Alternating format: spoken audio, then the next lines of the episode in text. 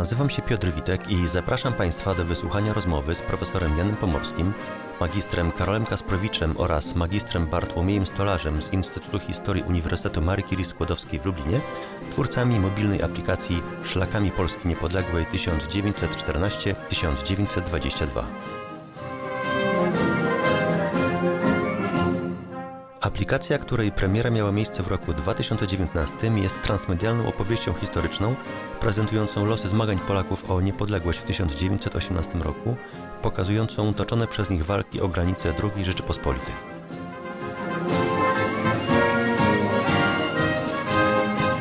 Aplikacja zawiera interaktywny atlas historyczny oraz pięć lekcji historii, z których każda zaczyna się od syntetycznego wprowadzenia w problematykę w dwóch postaciach do wyboru tekstu pisanego oraz komentarza odczytywanego przez lektora.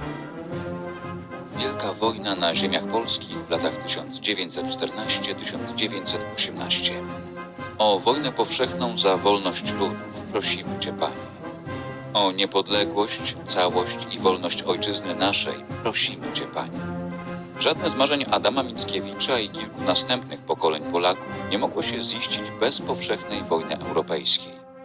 Powinna być ona nie tylko powszechna, ale i skończyć się przegraną wszystkich zaborców Rzeczpospolitej.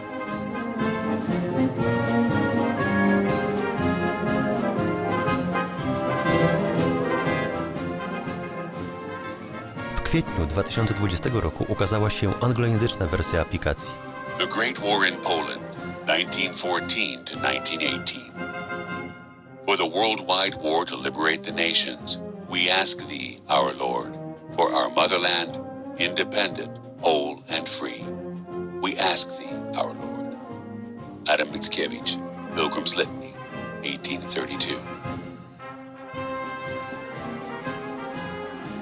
I ten właśnie fakt wydaje się dobrym pretekstem, żeby kilka miesięcy po premierowym ukazaniu się aplikacji na rynku wrócić do tematu i podyskutować o niej w nieco szerszym kontekście.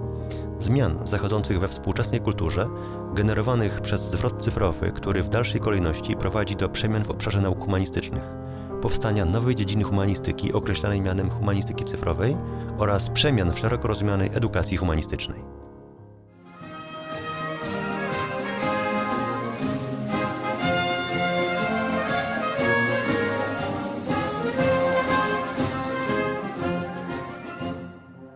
Twórcami aplikacji rozmawiam o tym, czemu aplikacja ma służyć i do kogo jest adresowana.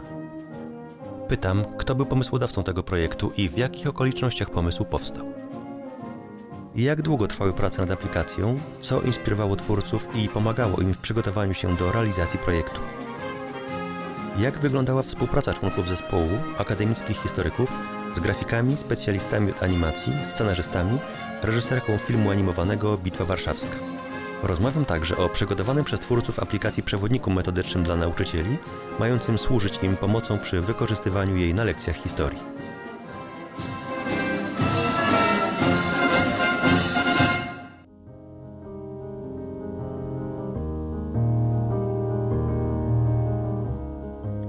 Wywiad już wkrótce zostanie udostępniony w formie podcastu oraz wideo na portalu o historii EU, na naszym kanale na YouTube, a także na platformach podcastingowych Spotify, Anchor FM, Google Podcasts i innych. Zapraszamy do słuchania i oglądania. Zachęcamy również Państwa do odwiedzenia naszego portalu www.ohistorii.eu i lektury zamieszczonych na nim artykułów, wywiadów, recenzji i opinii.